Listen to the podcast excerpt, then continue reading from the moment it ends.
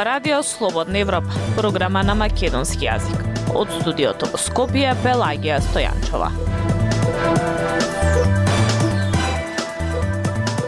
Во денешната емисија на Радио Слободна Европа објавуваме Расте бројот на луѓе кои се прехрануваат во народни кујни и барат помош од Црвен крст. Брзите кредити како легализирана лихва. Граѓани може да останат без стан за неколку илјади денари. Македонија да се позанимава со борбата против корупцијата и јавната администрација, порачува Европската комисија. Слушајте не. Независни вести и анализи за иднината на Македонија. На Радио Слободна Европа и слободнаевропа.мк. Се зголемува бројот на луѓе кои ги посетуваат народните кујни за да добијат бесплатни оброци. Околу 3000 граѓани во Македонија ги посетуваат овие кујни. А за 30% се зголемил и бројот на корисници на услугите на Црвениот крст. Луѓето таму добиваат пакети со основни прехранбени продукти за да можат да се прехранат. Ивана Стојкова.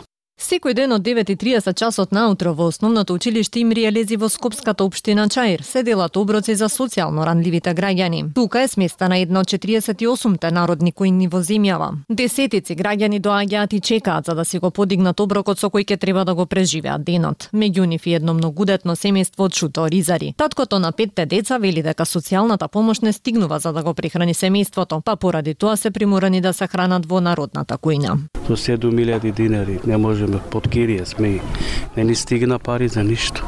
Овие ке, што ги зававме сега лепчината ги седеме дома, па ке си јадеме што да правиме. Народните кујни за жал стануваат се повеќе посетени. За над 3000 граѓани во земјава овие кујни се местото каде што се прехрануваат, а податоците од Министерството за труд и социјална покажуваат дека бројките на корисници изминатиот период се зголемуваат. Но не се само народните кујни во Црвениот крст, за дури 30% е зголемена бројката на луѓе кои доаѓаат за да добијат пакет со основните прехранбени продукти и да можат да се прехранат. Најтешно се стари лица пензионери со ниски пензии.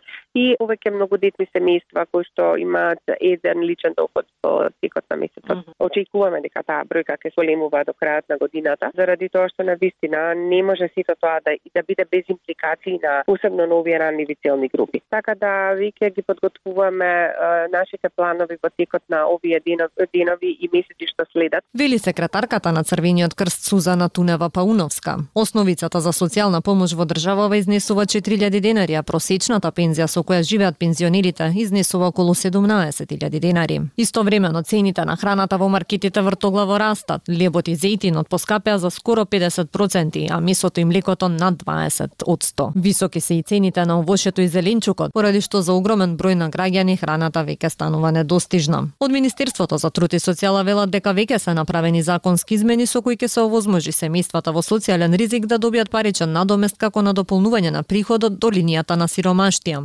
Истовремено велат дека освен владата и општините имаат можност да излезат во пресрет на социјално ранливите семејства. Ова подразбира дека општината, градот Скопје и општините во градот Скопје имаат можност да развиваат локални мерки и активности за социјална заштита согласно со овој закон, а врз основа на годишни програми за потребите на граѓаните од областа на социјалната заштита, во која се предвидуваат активности и средства за реализација на истите. Според податоците на Обединетите нации, дури 828 милиони луѓе биле погодени од глад во 2021 година, што е за 46 милиони луѓе повеќе во споредба со претходната година. Процентот на луѓе погодени од глад од 2020 навака е постојано во пораст, а очекувањата се уште полоши. Шефот на Обединетите нации Антонио Гутереш неодамна предупреди на катастрофа поради недостиг на храна. На слободна погледнете го видеото од посетата на Народна кујна во Скопски чаир. Радио Слободна Европа, светот на Македонија за долг од неколку илјади денари поради доцнење, граѓани сега должат по неколку илјади евра во фирмите за брзи кредити и може да останат без своите домови. Народниот првобранител вели дека ваквите фирми некогаш барале долго да се врати со камата од 50% и ги повикува институциите да проверат дали е тоа легално. Прилог на Зорана Гаджовска-Спасовска. Скопјанка може да остане без стан во центарот на градот поради заем од скоро 5000 евра од три фирми за брзи кредити. Станува збор за 40 годишна жена која може да го загуби станот од околу 60 квадратни метри вреден околу 100.000 евра, што го наследила од родителите, затоа што со својата плата од 24.000 денари не можела да ги врати кредитите што ги зела од продавници за пари, чија купна вредност е речиси 5000 евра. Извршувањето на овој предмет не е завршено. Жената која сакаше да остане анонимна за Радио Слободна Европа вели дека приказната започнува на вистина наивно, со мал заем, ама завршува со извршители. Адвокатката Небија Заимова, која ја застапува оваа жена, вели дека не е единствениот пример на должничко робство во кое запаѓаат граѓаните со брзи кредити. Во низината адвокатска канцеларија помош побрал и 50 годишен скопјанец кој не може да исплива од долгови. Тој се задолжил со брзи кредити во 7 фирми, за да собере пари за лекување на неговата сопруга во приватна болница за собствената сопруга. Ано беше многу тој тешко болна и единствениот начин значи за лекување, за обезбедување материјални средства беше а, да зима а, кредити, брзи кредити и тоа во јас од три места што ги што видов од условите, таму пишуваше дека каматата расте секој ден 3%. Таа објаснува дека таквата одредба во договорот со камата од 3% на ден е противзаконска. Висината на износот кој треба да го вратат за брзите кредити е најчистата причина поради која граѓани се жалат кај народниот правобранител некаде некој има случаи каде што и 50% па и повисок износ на камата, што мислам дека е апсолутно нереално и спротивно на секоја пазарна логика.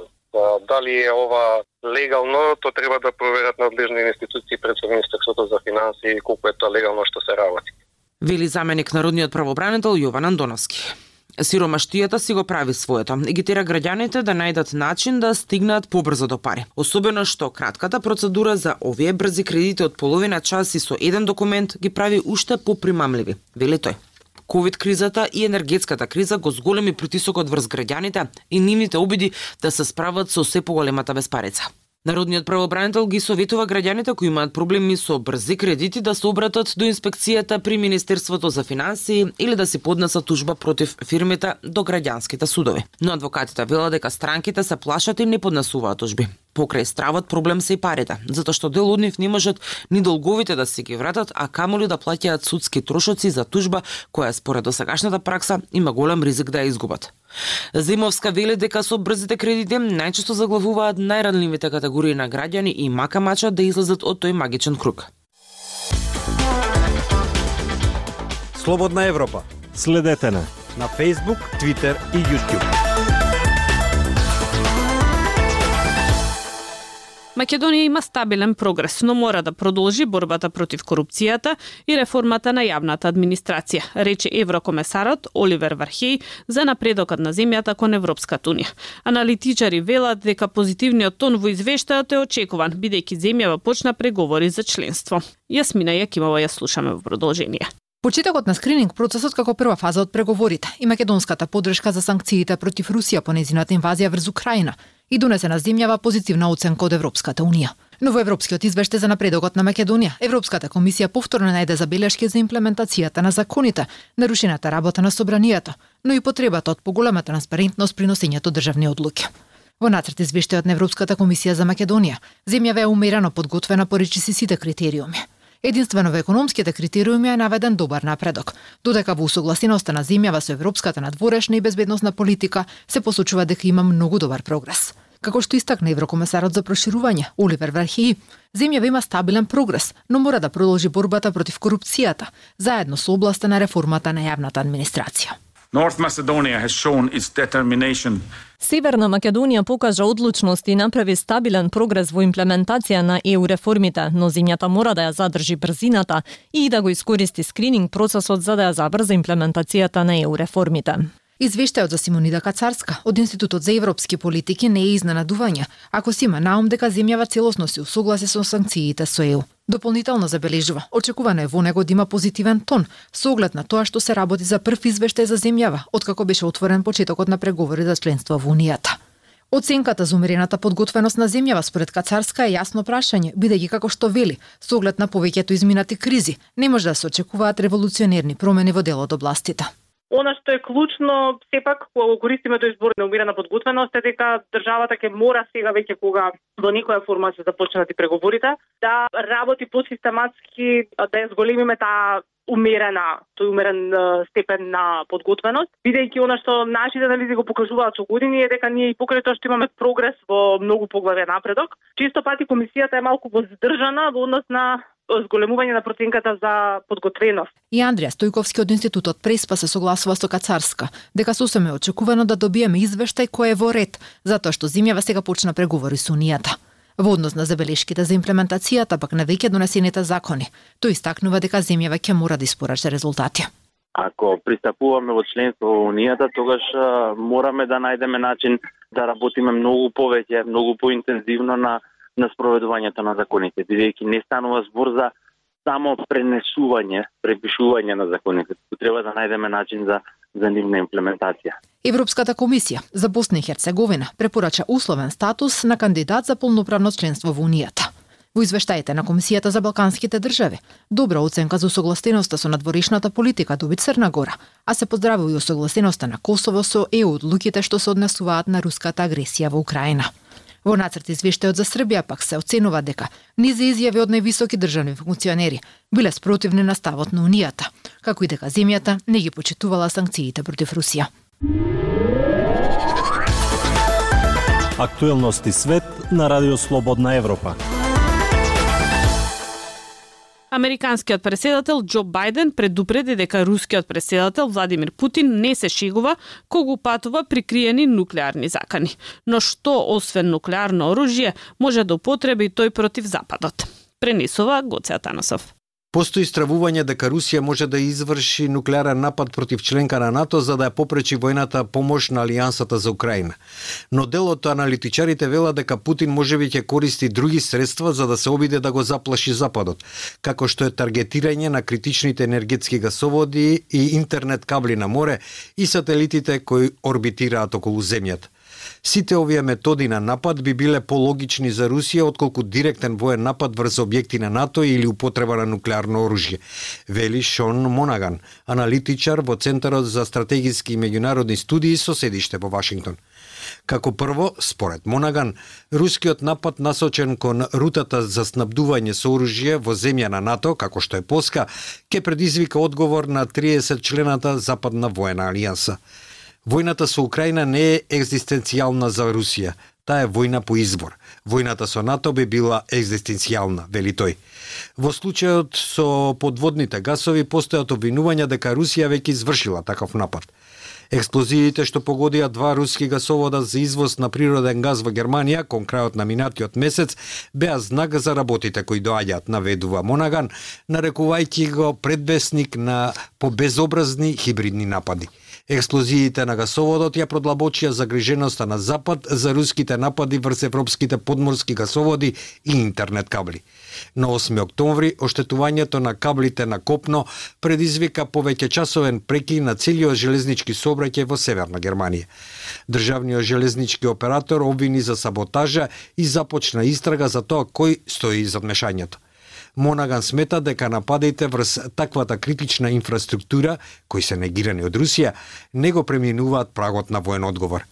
Вилјам Кортни, поранешен дипломат од кариера кој учествуваше во американско-советските одбрамбени разговори, исто така вели дека Русија е поверојатно да ескалира со напади врз касоводи, интернет кабли или сателити.